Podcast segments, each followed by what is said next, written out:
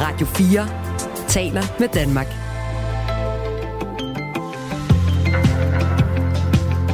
Velkommen til Radio 4 morgen. Der er ballade i den socialdemokratiske folketingsgruppe, efter partiets politiske ordfører har foreslået, at danskerne selv skal spare op til velfærdsydelser i alderdommen.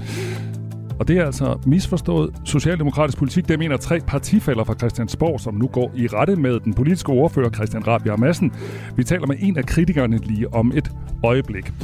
Hvad vil Liberal Alliance med landets folkebiblioteker? Det spørgsmål er de seneste dage blevet diskuteret efter et citat fra Alex Vandomslags bog er gået viralt. Her hedder det, i dag har vi ikke længere brug for bibliotekerne, som vi kender dem, men i stedet for at lukke biblioteker og spare penge, har bibliotekerne fundet nye opgaver til sig selv. Sådan skriver altså Vandomslag i øh, den her bog, der kom øh, tidligere på året. Vi tager øh, diskussionen, altså vi spørger øh, ikke Vandomslag, men en anden fra Liberal øh, Alliance om... Øh, Øh, hvad er det Solbjørn Jacobsen, kan jeg godt sige, som, øh, som vi har med om øh, cirka et kvarters tid. Vi spørger, hvor, hvor er de egentlig, Liberal Alliance, på øh, det her med bibliotekerne? Klokken den er 6 minutter over 8. Du lytter til Radio 4 morgen, og du er selvfølgelig, som altid, velkommen til at skrive ind til os på 1424, hvis du har forslag til kommentar eller andet. Mit navn, det er Michael Robach. Radio 4 taler med Danmark. Det ser ud som om, at der de ikke er helt enige med sig selv i den socialdemokratiske folketingsgruppe. Tre socialdemokratiske folketingsmedlemmer går nemlig i rette med partiets politiske ordfører. Uenigheden bunder i, at politisk ordfører Christian Rabia Madsen har foreslået, at man indfører en delvist opsparingsbaseret velfærdsmodel, som skal sikre en værdig ældrepleje, som det hedder. Altså et forslag om, at danskerne udover det, vi betaler i skat, også skal spare op af egen lomme til velfærdsydelser i alderdommen. Det forslag det så dagens lys for to uger siden, men i Avisen Danmark har tre socialdemokrater nu skrevet et indlæg, indlæg, hvor de kritiserer forslaget. De skriver, at deres partifælde misforstår problemerne, som velfærdssamfundet står overfor. Maria Durhus er misbrugsøverfører i Socialdemokratiet og en af de her tre socialdemokrater, der kritiserer forslaget. Godmorgen. Godmorgen. Hvorfor er I så sure over det her forslag?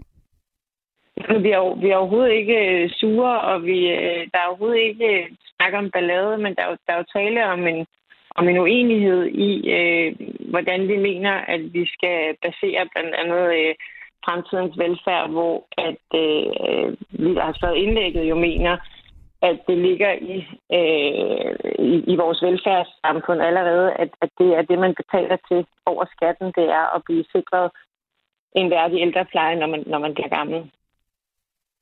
Vi taler jo ofte om, at det kan være svært at få råd til alt den øh, velfærd, vi gerne vil have. Kan det her forslag, altså som øh, øh, din øh, kollega Christian Rabia Madsen har været ude med, kan det ikke være øh, en meget god måde, at flere kan få en ordentlig øh, service, når de bliver ældre?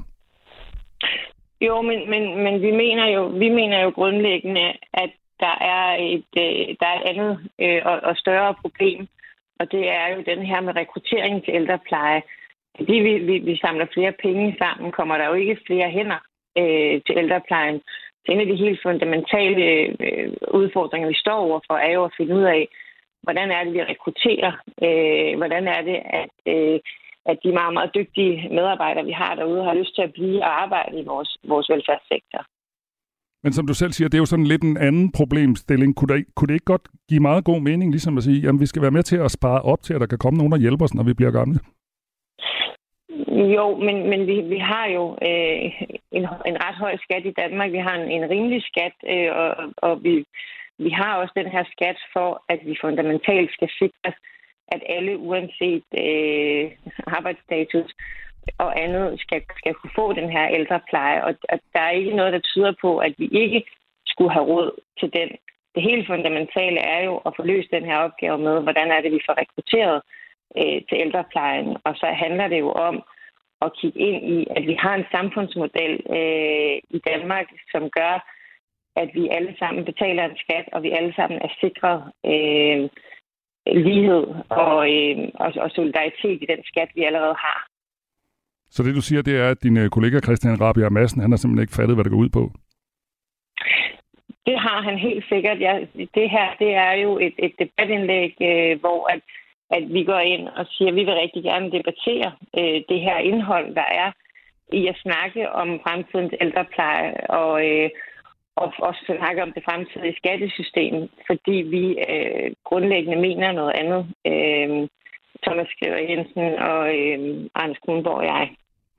Det var først Moderaterne, som kom på banen med øh, et forslag om, at borgerne i fremtiden selv skal spare op til øh, en del af ældreplejen. Og siden så fulgte altså, som vi taler om, Socialdemokratiets politiske ordfører Christian Rabjerg Madsen også trop. Lad os lige prøve at høre, hvad han sagde til os for et par uger siden.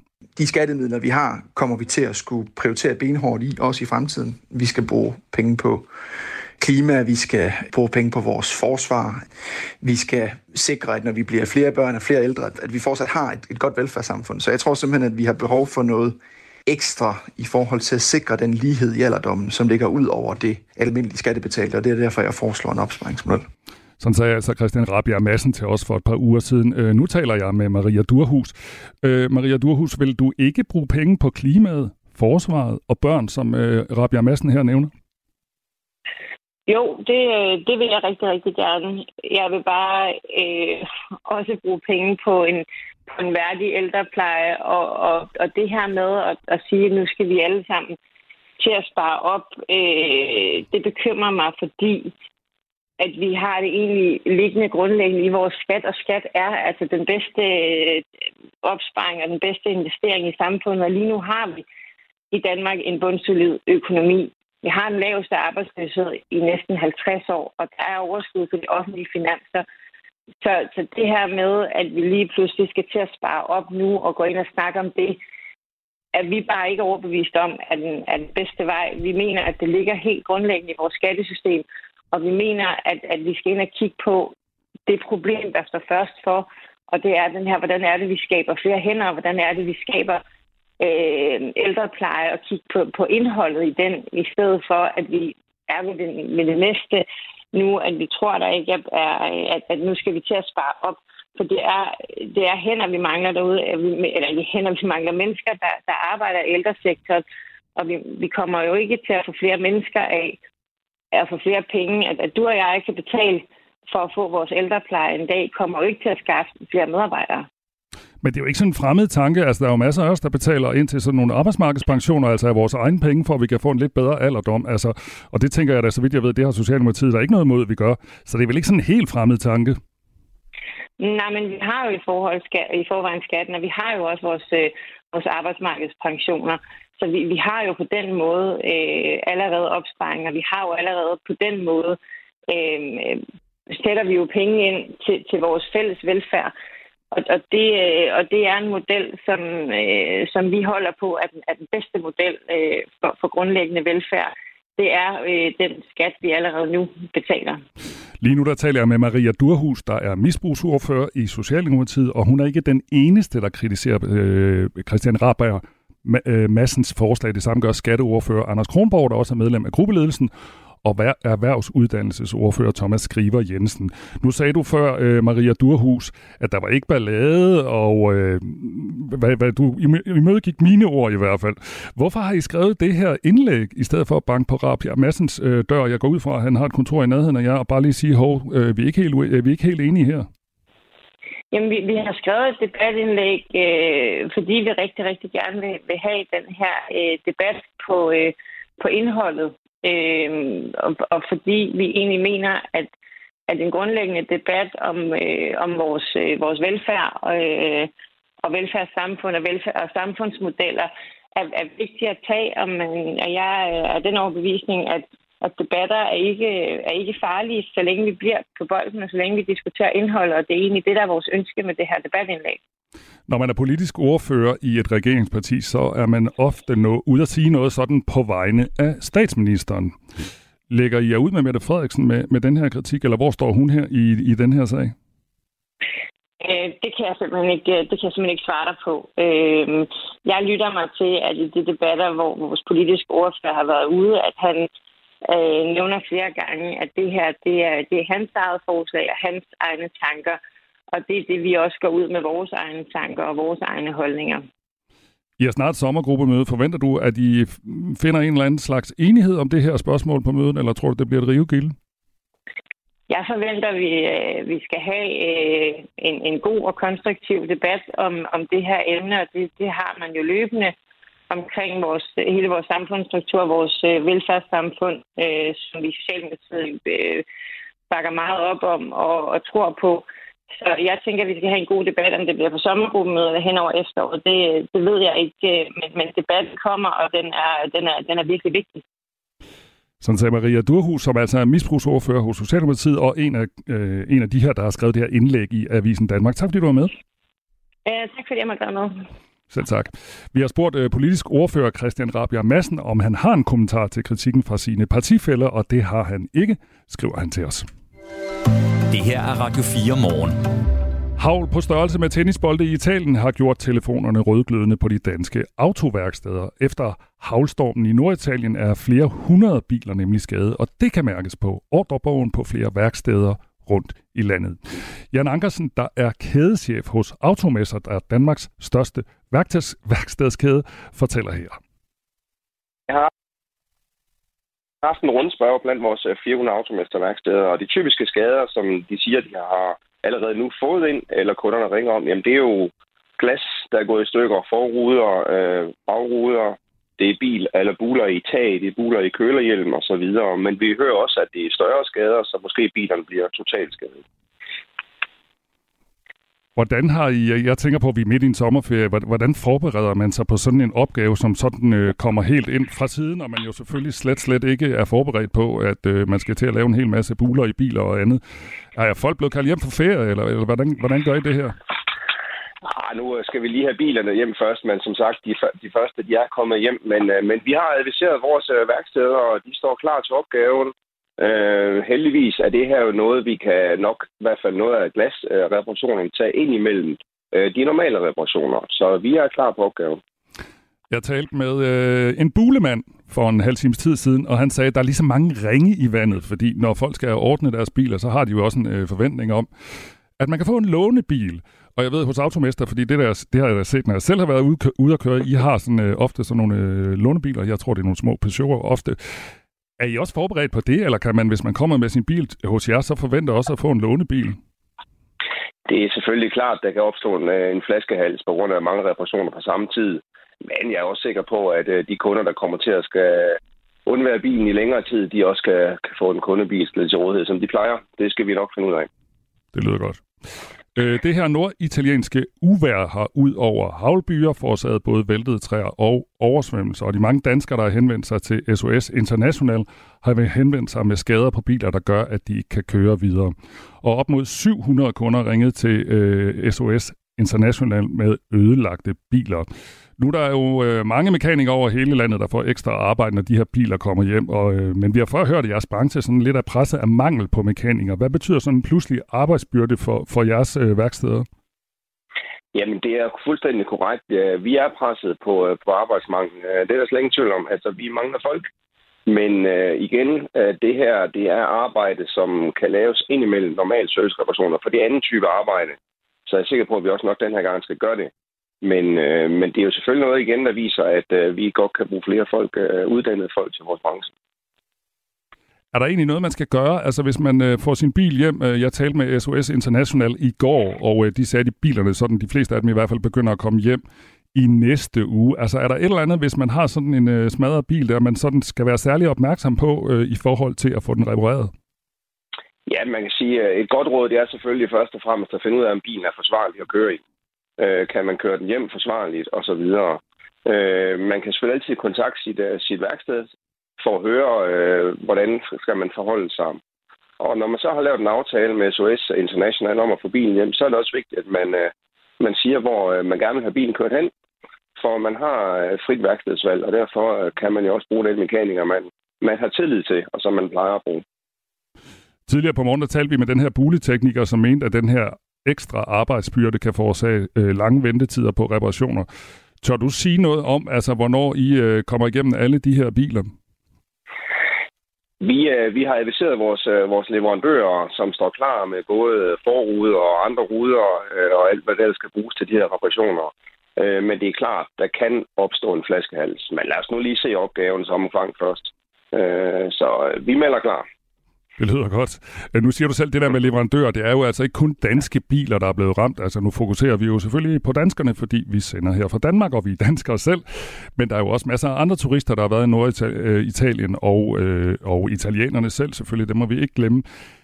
Bliver der flaskehalse? Altså jeg tænker, jeg gætter ikke på, at markedet lige pludselig er klar til at øh, sende en hel masse øh, bilruder, og hvad I nu ellers skal bruge ud.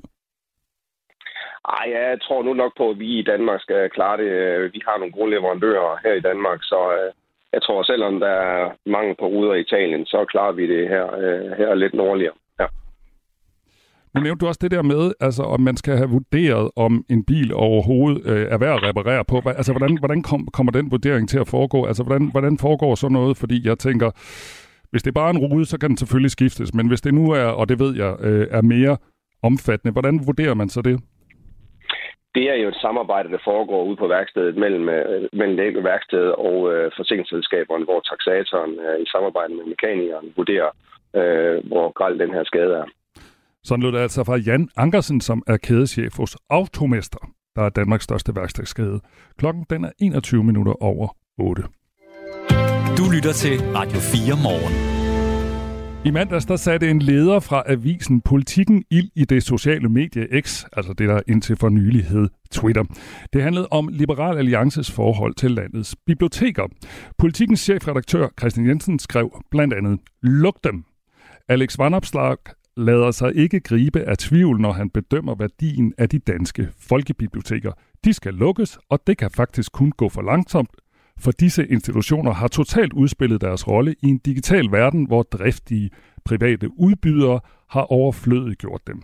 Lederen er skrevet på baggrund af Alex Vanopslags bog, der udkom tidligere på året. På X, eller Twitter, fik lederen mange brugere til at reagere. Der var blandt andet kommentarer som den her. Tænker Vanopslag slet ikke på, at det er en vigtig del af folkeoplysning og demokratiet, at der er adgang for alle til bøger, aviser, kultur, foredrag og anden oplysning, som lød det fra en bruger, og en anden skrev, det er jo det glade vanvid. Solbjørg Jacobsen er folketingsmedlem for Liberal Alliance. Godmorgen. Godmorgen. Hvad mener du? Har de øh, danske biblioteker udspillet deres rolle, som du ser det? Altså, det er i hvert fald ikke den samme rolle som før. Og øh, jeg undrer mig meget, da jeg læste, hvad, hvad der var blevet skrevet, fordi det var jo slet ikke det tema, der var taget op i bogen, og det var slet ikke i den sammenhæng. Jeg synes ellers, det var en rigtig, rigtig god debat, og derfor så tænkte jeg, hvad, hvad, hvad sker der her? Det er jo ikke sådan, vi gerne ser det. Så det du siger, det er, at vi skal beholde bibliotekerne, som de er, og alle har misforstået det hele. Nej, det vil, det vil ikke give mening.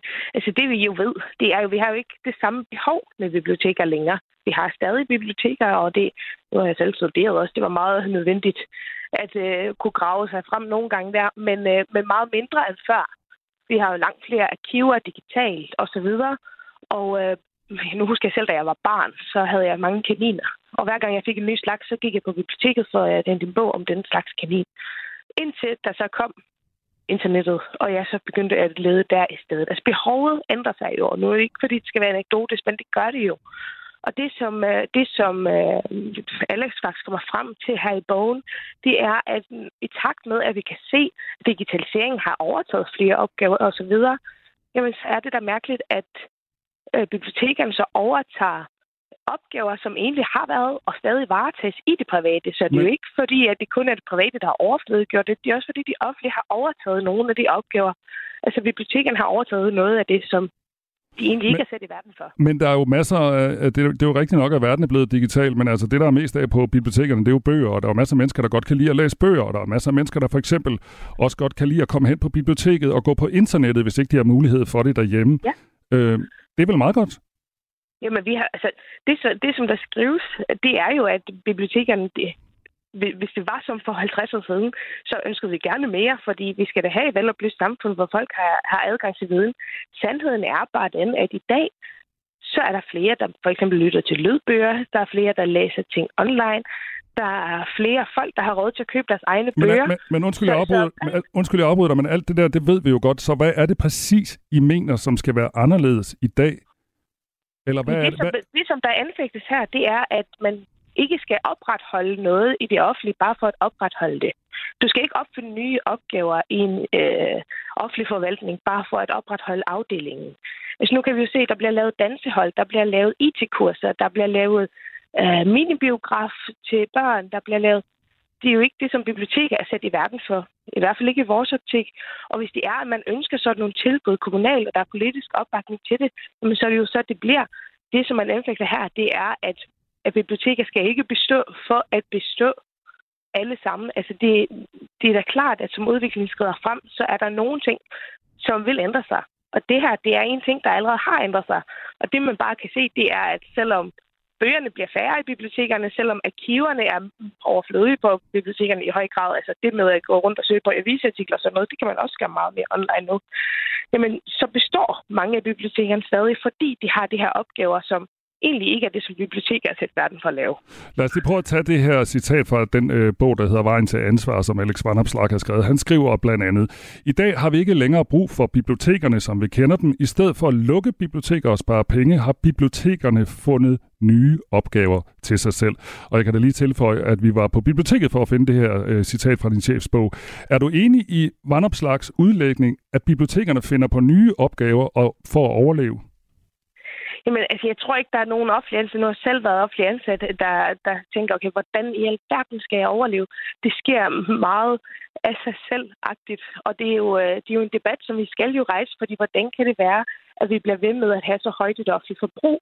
Hvad er det, der gør, at, at vi, øh, vi får flere akademikere, steder, hvor det er blevet måske digitaliseret, og hvor man burde kunne have færre.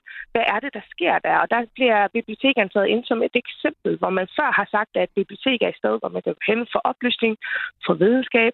Jamen, så er det nu et sted, hvor man kan gøre alt muligt andet også. Og det er et godt eksempel på, at, øh, at det offentlige udvikler sig sådan meget af sig selv, og, øh, og det skal vi være opmærksomme på. Så det, du har problemer med, det er, når bibliotekerne laver andet end at låne bøger ud, eller hvad? Fordi at biblioteket er jo andet end bøger. Biblioteket er også øh, folkeoplysning, og Der kan det jo godt være IT-kurser, som du nævnte før, eller andre ting, dansehold og sådan noget, som vel egentlig også godt kan være øh, folkeoplysning. Og der er 28,5 øh, millioner danskere, der besøger, øh, altså ja, der er 28,5 besøgende, altså forskellige besøg på de danske folkebiblioteker, så der er jo nogen, der er rigtig glade for den. Jo, men så tænker jeg, så er det det, man skal kalde det. Altså hvis det er, at man tænker, at det offentligt skal stå for danseundervisning, og at det ikke er noget, man skal hente til det private, som man ellers har gjort øh, i vid omfang, eller i for, øh, foreningerne. Jamen, men så fred på jord, hvis der er politisk opbakning til det, de ikke med liberale alliance tænker er en offentlig opgave. Vi ser gerne, at det offentlige system er der til dem, som for eksempel ikke kan, kan, kan tage vare på sig selv, og hvor vi, øh, hvor vi yder noget god service til de ældre. Jeg tænker ikke, det er at lave dansundervisning til, til dem, der har lyst til det. Det er, ikke, det er ikke det, som jeg ser som en biblioteksopgave. Det er det altså ikke. Vi har to minutter til, vi skal gøre plads øh, til nyhederne, Solbjørg Jacobsen. Det kan godt være, at jeg er svagt opfattende, men jeg skal bare lige forstå, så, en, øh, så meget lytterne er helt med. Hvis nu I havde 90 mandater, hvad ville I så gøre med landets biblioteker? Med 90 mandater i Folketinget kommer ikke til at bestemme, hvad, hvad kommunerne laver af biblioteker. Det, der rejst her, det er en bog, en værdidebat om, hvad er det, vi bruger vores penge til? Hvor kloge er vi som øh, offentlig instans for andre borgers penge?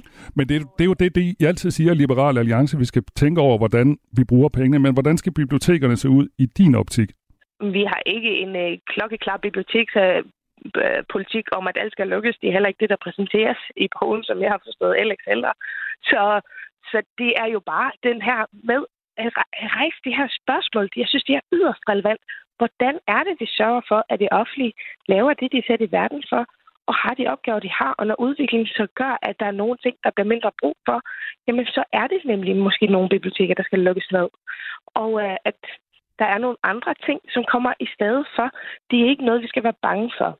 Og det synes jeg er en meget, meget vigtig debat at rejse, fordi jeg tror, at de fleste i det danske land heller ikke kan forstå, hvorfor betaler jeg så meget skat? Hvorfor bliver der ved med at komme flere akademikere, både i staten og i kommunerne og i regionerne? Hvorfor bliver der ved med at komme flere nye medarbejdere i det offentlige, som vi egentlig har brug for i det private? Men det er jo, fordi vi måske påtager os på mange opgaver i det offentlige. Jeg synes ikke, at i dansk undervisning og biografer, som er det offentlige opgave, det er noget, som det private løfter yderst godt, og det skal de blive ved med at gøre. Tak fordi du øh, var med på den her diskussion om øh, landets biblioteker. Selv tak. Og det var altså Solbjørg Jacobsen, som er folketingsmedlem for Liberal Alliance, I hørt her. Du lytter til Radio 4 morgen.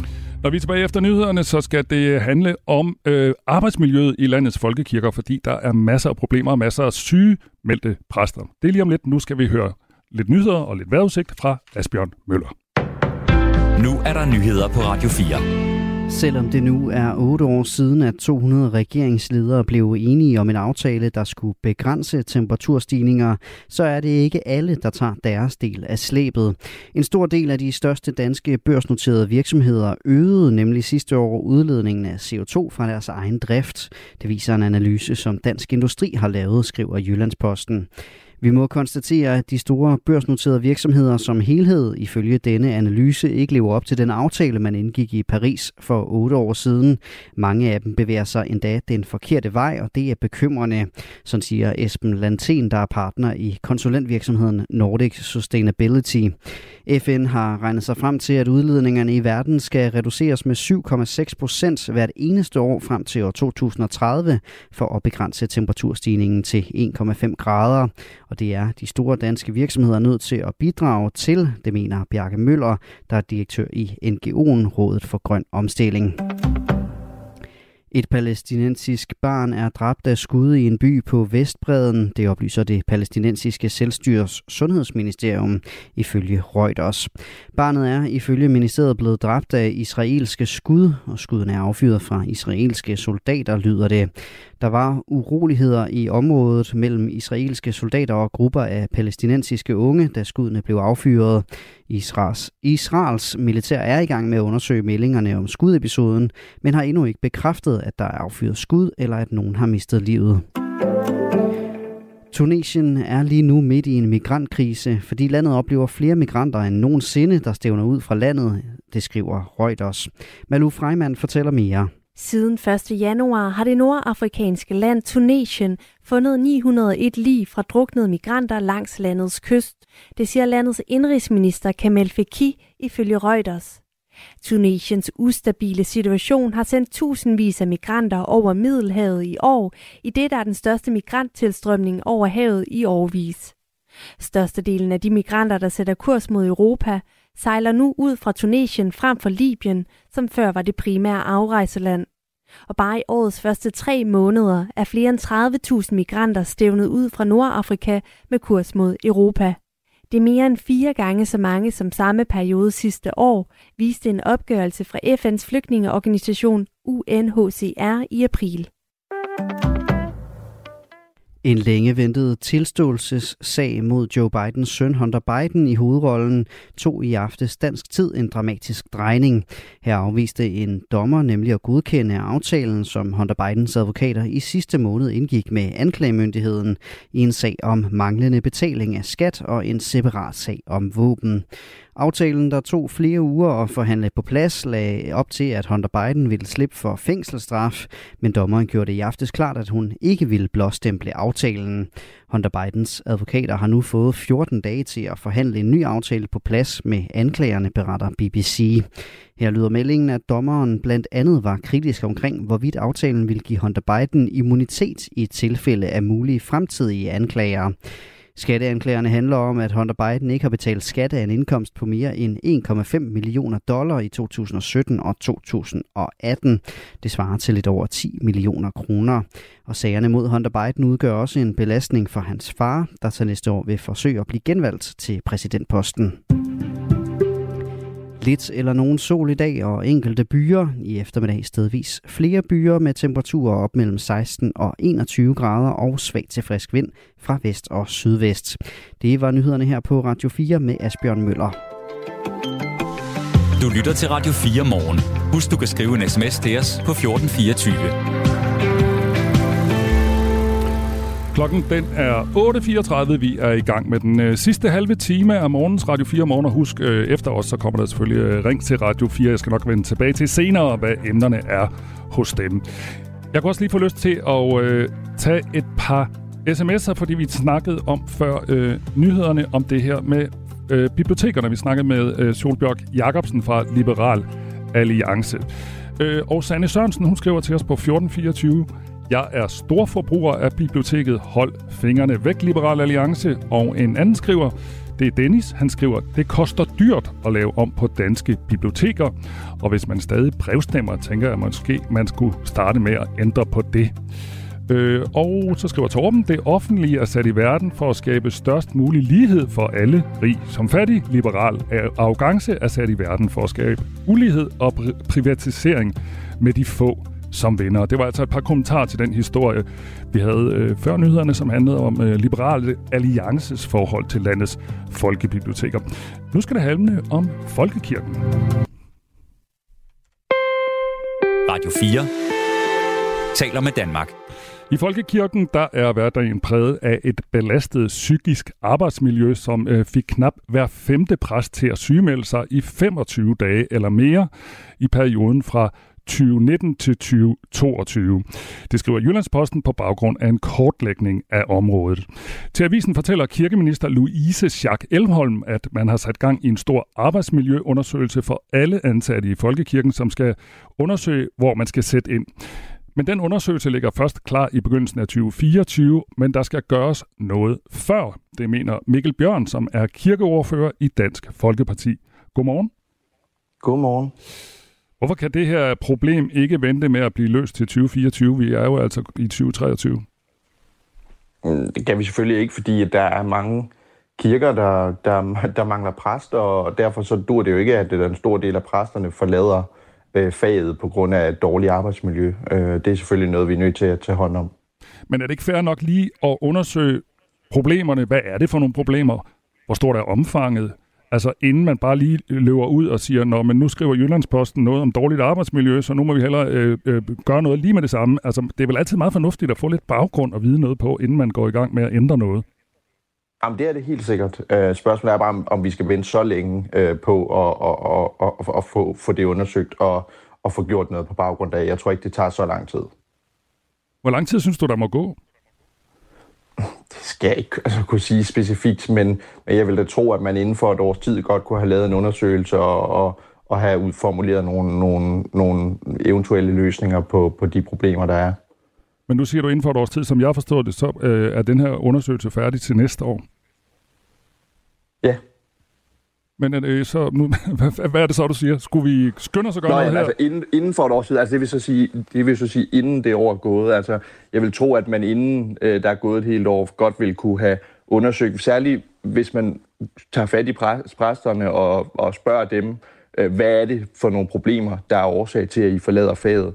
Altså, så vil man ret hurtigt kunne få et svar på, hvad det er, der, der er årsag til, at mange af præsterne de vælger at forlade det. Og så vil man meget hurtigt kunne iværksætte nogle eventuelle løsninger på de udfordringer. Øhm, og det vil man jo kunne gøre, inden der er gået et, øh, et år. Ifølge formanden for Præsteforeningen, så mangler provster og biskopper konkrete værktøjer til at håndtere konflikter i for eksempel øh, menighedsrådene. Og hvis en præst skaber problemer, kan vedkommende blive fyret, men hvis et medlem af menighedsrådet modarbejder det gode arbejdsmiljø, så kan vedkommende blive, blive siddende, fordi medlemmet er folkevalgt, sådan siger formand for Præsteforeningen øh, Pernille Viksø Bakke.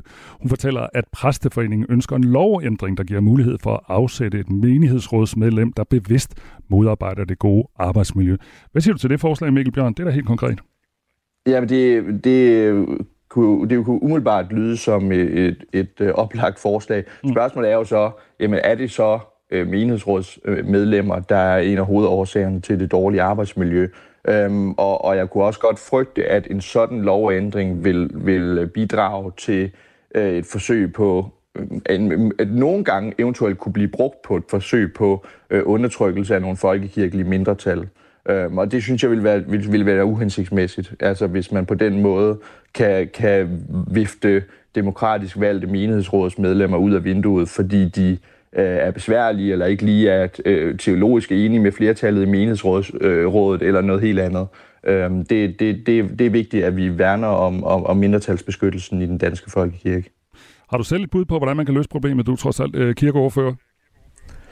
Jamen altså, eventuelt kunne man jo øh, overveje, øh, kunne jeg forestille mig, at lave et eller andet form for grundkursus i øh, Folkekirken for menighedsrådsmedlemmer, måske inden for det første halve eller hele år, øh, efter man er blevet valgt. Øh, fordi at jeg kunne forestille mig, at nogle af udfordringerne måske bunder i, at der ikke rigtig er øh, klarhed omkring, hvad arbejdsopgaverne øh, egentlig er i et menighedsråd altid. Øhm, og, og der er måske også øh, lidt uklarhed omkring, hvad er det egentlig en menighedsråds opgave, øh, råds opgave er øh, også teologisk, øh, hvad, der, hvad der ligger i folkekirken, øh, bekendelsesgrundlag osv. osv. Og der kunne jeg godt forestille mig, at både teologisk og også et, et mere praktisk grundkursus inden for det første år, øh, efter man er blevet valgt, måske kunne øh, bidrage til, at der opstod lidt færre øh, konflikter omkring nogle af, af de ting, der ellers øh, burde være sådan selvfølgelig, øh, hvis man er valgt til menighedsrådet. Nu nævner du også selv det her med menighedsrådet, øh, sikkert fordi jeg selv nævnte det, altså fordi Pernille Viksø Bakke, som er formand for øh, Præsteforeningen, siger, at der kan være nogle konflikter omkring det. Øh, det er så det, altså menighedsrådet. Har du nogle idéer til, altså hvordan man i det hele taget kan gøre arbejdsmiljøet bedre for præster? Fordi jeg tænker, det er nok andet end øh, konflikter bare med menighedsrådene. Det kan jo være rigtig mange ting, og det er jo mm. derfor, øh, selvfølgelig skal vi have undersøgt, øh, hvad der er op og ned. Øhm, men, men, men det jeg mener er bare, at jeg vil mene, at man ret hurtigt vil kunne afdække øh, måske top 5 årsager til, at præsterne forlader faget, øhm, og så forsøge at formulere nogle løsningsmodeller på de udfordringer. Øhm, og det forestiller jeg mig ikke nødvendigvis behøver at tage et, tage et helt år. Øhm, og, og, og jeg, tror, jeg, jeg tror, at det her grundkursus kunne være med til at bidrage til, til, til noget af, af, af, af løsningen. Øh, fordi at det er klart, at hvis ikke der er fuldstændig klarhed omkring øh, arbejdsopgaverne i et meningsråd, så opstår der også lettere konflikter øh, med øh, præster eller med øh, de andre menighedsrådsmedlemmer omkring, jamen, hvem skal lave hvad, øh, hvordan og skal opgaven løses og meget andet.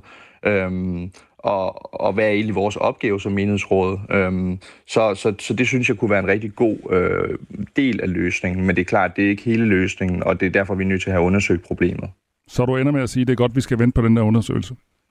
Jamen, jeg synes, det er vigtigt med undersøgelsen. Det undrer mig bare, at det tager så lang tid, før vi kan få, øh, få undersøgt tingene og få, få, få løst nogle af problemerne. For jeg tror, noget af det er jo nok nogle lavt hængende frugter, som man sagtens ville kunne løse øh, ret hurtigt, uden nødvendigvis øh, at skulle vente et hele år.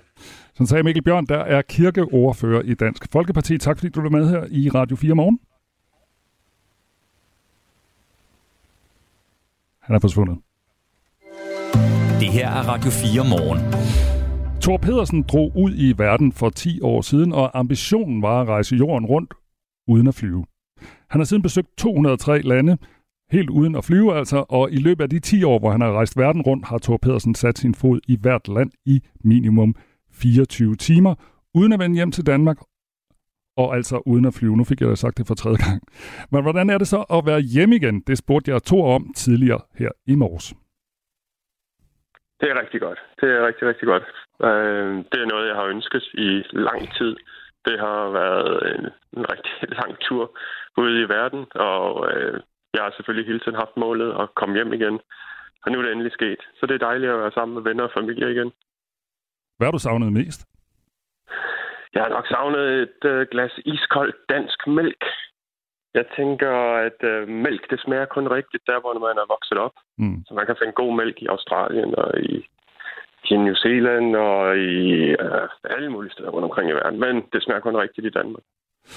Lad os lige høre, øh, Thor, du har besøgt 203 lande og helt uden at flyve. Hvorfor gik du overhovedet i gang med det her projekt? Det var da vi fandt ud af, at der ikke var nogen, der havde gjort det før. Og så er jeg jo så vokset op i en verden, hvor jeg har følt, at alting var blevet gjort.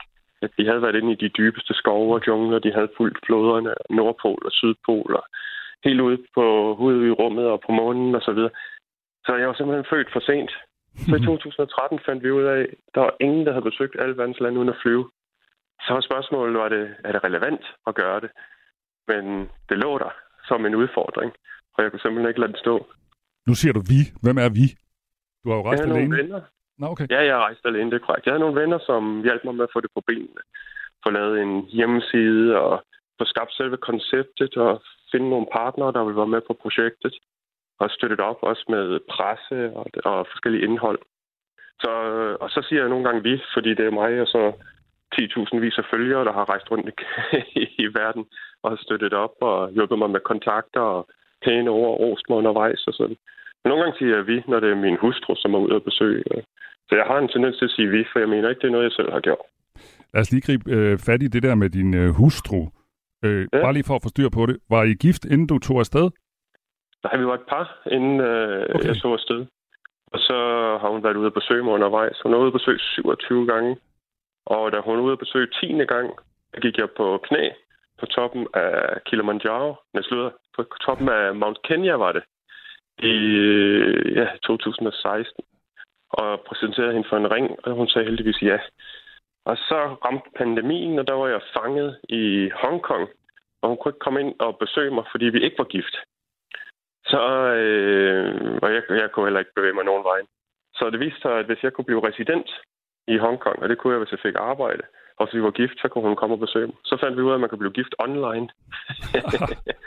så, så, så det gjorde vi. Og det er ikke noget, der blev godtaget i Danmark. I Danmark griner man af det og siger, I er altså ikke gift.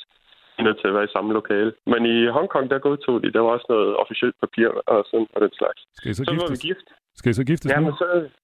Det, nu må vi lige se, fordi efter to år i Hongkong, der er jeg ude at rejse videre og komme ud til nogle af de øer derude i Stillehavet. Så kom hun og besøgte mig igen i Vanuatu. Og der blev vi så rigtig gift på stranden, og det var smukt og hyggeligt. Men så blev Vanuatu ramt af et sådan hackerangreb. Deres regering var ramt af ransomware attack. Mm. Og alting lukkede ned, så det ikke går igennem papirmøllen endnu. Så vi ved, at vi er gift i Utah, hvor det der agentur, der gifter folk uh, online, der ligger. Og vi er gift i Hongkong, og vi er gift i Vanuatu. Uh, det er jo så en langsom proces, hvis vi skal være gift i hele verden.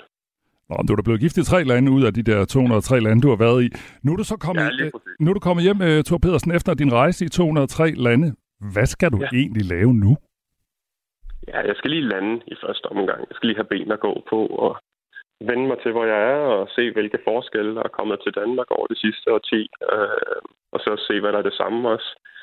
Og så vil jeg i gang med foredragsvirksomhed, øh, ud at dele nogle af de her eventyr. Jeg har holdt foredrag i 135 lande. Øh, nej, slutter 65 lande. 135 foredrag verden over. Og øh, så vil jeg gerne skrive en bog, se om jeg kan få noget forfatterskab. Og vi har en dokumentarfilm, som vi regner med er klar i 2024. Den har vi arbejdet på de sidste fire år. Og jeg tænker sådan en som dig, som leder efter noget, andre ikke har gjort før. Er du allerede i gang med at tænke, når du filmen er ude, bogen er skrevet, foredragene er holdt, at du skal noget nyt? At du skal ud på en ny mission? Ej, det, det var en livsmission, det her. Den, øh, nu, har jeg, nu har jeg ligesom gjort det. Jeg tænker ikke, der behøver at være så meget mere. Men jeg har stadigvæk øh, interesse i at komme ud og rejse. Jeg har ikke været på Galapagos, jeg har ikke været på Påskeøen, jeg har ikke været i Alaska, jeg har ikke været på Antarktika. Og øh, jeg kan godt lide at løbe maraton, og jeg synes, det kunne være hyggeligt at kombinere det med nogle forskellige regioner rundt omkring i verden. Steder, hvor man ikke normalt rejser hen for at løbe maraton. Og så se landskabet i den egen, og måske sætte sig ned på en pop et sted og snakke med de lokale. Så rejselivet, det håber jeg da at holde i liv. Vi har kun et øh, minut tilbage til, at vi skal gøre plads øh, til nyhederne, Thor Pedersen. Jeg kunne godt tænke mig at spørge, hvis du nu måtte sige et land, det er jo sommerferie, et land, som du synes var det mest fantastiske, eller det, du vil anbefale andre at tage hen til. Hvad, hvilket land vil du så nævne ud af 203 muligheder? Ja, jeg kunne, vælge, jeg kunne vælge dem alle sammen. Men hvis vi lige vælger et, så et godt bud lige i øjeblikket, det vil være Sri Lanka. Det er ikke så svært at komme til Sri Lanka, og det er et meget spændende, og det er et meget venligt land. Og man kan få nogle rigtig, rigtig billige hoteller i øjeblikket, og nogle billige oplevelser på grund af økonomien i Sri Lanka. Plus man støtter landet ved at tage til i øjeblikket. Så det vil jeg vælge. Sådan lød det altså fra Thor Pedersen, der de seneste 10 år har rejst jorden rundt og besøgt 203 lande. Og i interviewet der sagde jeg, at der er et minut til nyhederne, men det er altså et interview fra tidligere i morges. Så der er 12 minutter til vi skal til nyhederne. Musik er en hurtig genvej til at komme ind bag facaden. Hvis man skal sige essensen af, hvem er jeg, så er det de samme. Ind bag den offentlige person. De synger også irriterende godt. I Portrætalbum bruger Anders Bøtter musikken til at vise nye sider af sine gæster. Gita Nørby, Tim Christensen, Sofie Gråbøl, Anders Akker, Allan Olsen. Både dem, du er fan af, og dem, du ikke troede, du havde noget til fælles med. Velkommen til Portrætalbum på Radio 4. Lyt til Portrætalbum i morgen kl. 17.05. Og hvis ikke du kan vente med at høre portrætalbum, så vil jeg bare sige, at du kan gå ind på vores app eller vores hjemmeside og høre programmerne. De er vanvittigt gode. Det her er Radio 4 morgen. VM i kvindefodbold er i fuld gang i Australien og New Zealand, og Danmark kom sådan flot fra start i lørdags med en 1-0 sejr over Kina. I morgen der gælder det så England, som er en helt, helt anden størrelse sådan rent fodboldmæssigt end Kina. Det bliver en svær kamp, vi gerne skal have point i, hvis vi skal videre til VM. Niklas Stein er sportsjournalist her på Radio 4. Godmorgen. Godmorgen. Vi vandt over Kina på et mål sådan i det aller sidste minut. Hvor godt synes du, øh, vi kom fra start? Det var jo enormt godt, sådan rent øh, pointmæssigt. De her tre point, øh, som sådan en sejr giver, var jo helt enormt vigtige. Så på den front var resultatet jo, jo, jo virkelig, virkelig godt og vigtigt. Men, men rent spillemæssigt kom Danmark egentlig ikke super godt fra start. Det, virkede sådan meget nervøst og anspændt og meget forkrampet, øh, det, her, det her spil. Og det var jo også sådan lige til øllet, at, øh, at Amalie Vangsgaard, hun øh, hættede den ind øh, der til sidst. Så det, det, er ikke, det er ikke, fordi det var sådan enormt lovende takter for, hvad angår et, et velpoleret og, og fint champagnespil for Danmark resten af den her, den her VM-slutrunde. Men, men, men det var en åbningskamp i, i et historisk stort VM øh, foran flere tilskuere end de fleste af de her landsholdsspillere har spillet foran før. Så, så det, den tvivl skal alligevel øh, komme den til gode. Og så var det bare vigtigst at få de her tre point øh, mod Kina, som er en, en god modstander modstander, og nok er den tætteste modstander for Danmark i forhold til at komme videre for den her gruppe. Så derfor var åbningskampen mod Kina øh, den her meget omtalte nøglekamp i forhold til at skulle mm. gå videre til, til 8.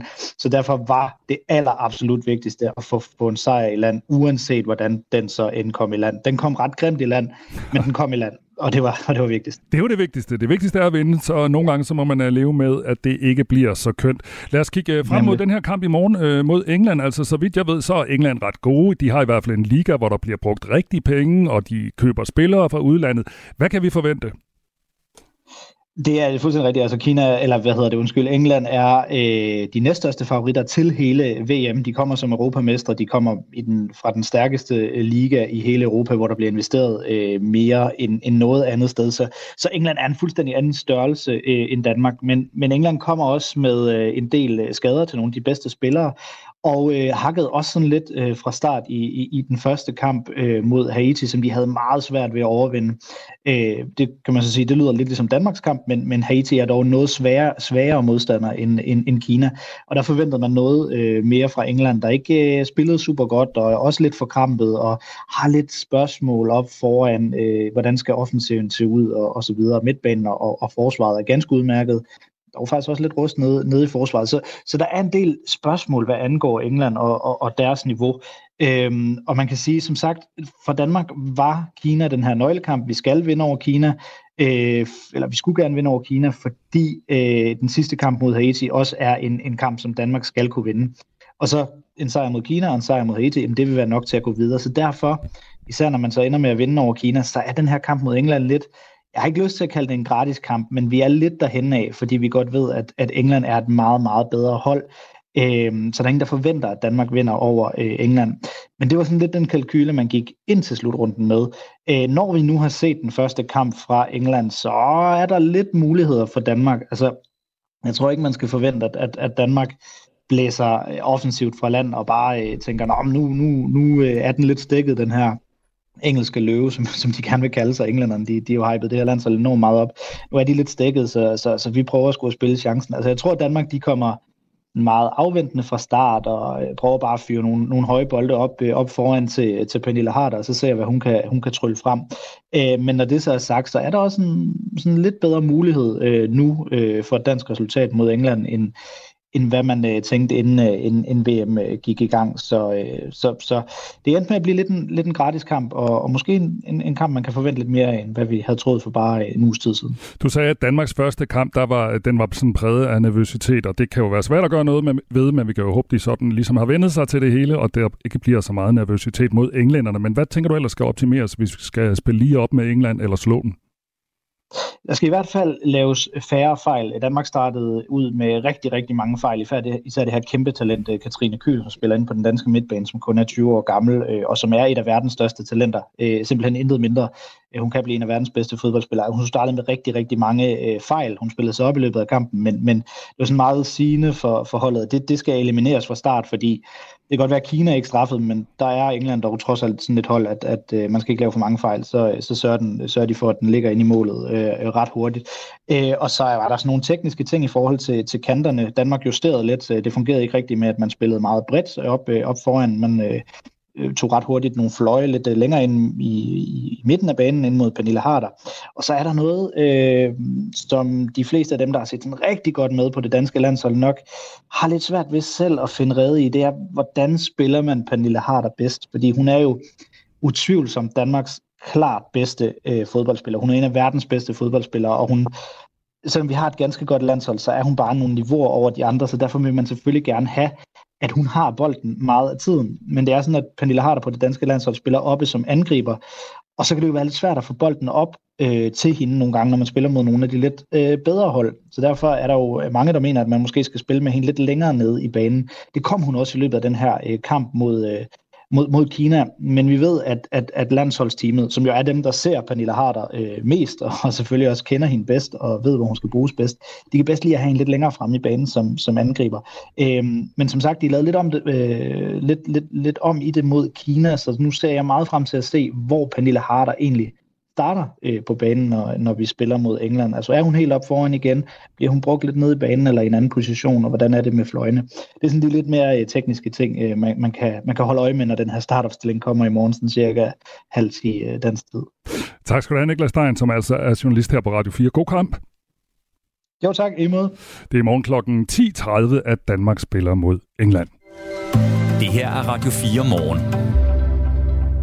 Så bliver Jonas Vingegaard fejret på hjemmebane i dag, og en af de bands, der skal optræde, det er bandet Baby Did a Bad Thing, som vi øh, skal høre fra lige om lidt. Men inden de skal optræde for Vingegaard, så var de altså forbi vores studio, og her spurgte jeg dem, hvordan det kan være, at de lige netop er på Vingegaards ønskeliste til musikalske indslag i Glyngøre, fordi han har nemlig selv cykelrytteren bedt om, det var dem, der skulle spille. Altså, Jonas og hans øh, kone Trine, de var til vores release fest for den plade, vi udsendte i april.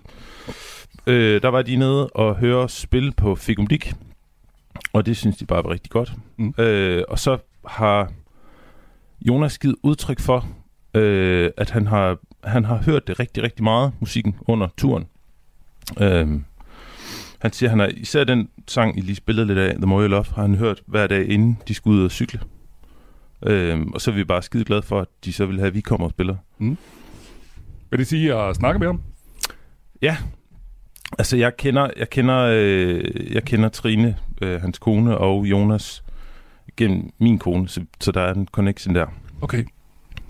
Altså uden at signere, så er I jo ikke sådan, endnu i hvert fald, sådan verdensberømte, heller ikke i Danmark. Hvad, altså nu hørte vi noget af det her nummer, det var sådan øh, meget stemningsfuldt, vil jeg sige, og meget stille. Altså hvis øh, Jonas, du er forsanger i banen, hvis du skulle sætte nogle ord på, hvad er det egentlig for et band, Jonas Vingegaard skal høre i dag? Hvad, hvad vil du så sige om jer selv? Ja, det er lige nummeret, øh, det er lige sang, man skal høre, øh, inden man skal ud og, og juler på cyklen. Ja. Nej, altså, øh, men vi er jo et, øh, et band med, med base i Aarhus, og startede i, i 18. Og har, jamen, så har det jo bare været skridt for skridt den, øh, den rigtige retning, synes vi selv. Og har udsendt øh, to plader øh, med den seneste nye her, Out of the Blue, der udkom i april så den er vi ude og, og spille lidt med, og, og skal spille på, på Smuk og på Tønder Festival i år. Så og vi har rigtig meget at se frem til. Og I skal også spille på Smuk Festival? Eller Smuk Fest? Ja, vi skal spille ud på Kærligheden. Okay. Ja. Det forventes, at der kommer op mod øh, 25.000 mennesker for at fejre Jonas Vingegaard i dag i øh, Gløngøre. Har I spillet for så mange før? Øh, måske ikke lige i Sammenlagt den, måske. Øh, ikke, ikke, ikke med det her band, kan, øh, kan man vist roligt sige. Jeg tror, Jonas han fortalte i et andet, Jonas Fjeldsted fortalte i et andet interview ja. i går, at det er ikke så længe siden, vi måske spillede for syv mennesker øh, i alt. Så, så der, der er et lille skift, uh, change of scenery der. Er I nervøse? Hmm. Jeg har godt begyndt at mærke det lidt, da.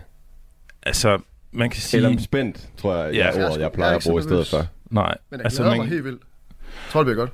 Man kan sige, det er jo ikke... Øhm, altså, det er jo ikke os, som folk kommer for at se og Nej, høre på den måde. Altså, vi er jo bare glade for at være med til at fejre øh, Jonas, øh, og være en del af, erfaring omkring det. Øhm, men der er der selvfølgelig altså, så mange mennesker, det er da klart, at det, det er man spændt på. Og det var altså bandet Baby Did a Bad Thing her. Og det var det interview, jeg lavede tidligere i morges, og nu refererede de et par gange til en sang, der hedder The More You Love. Lad os lige høre den.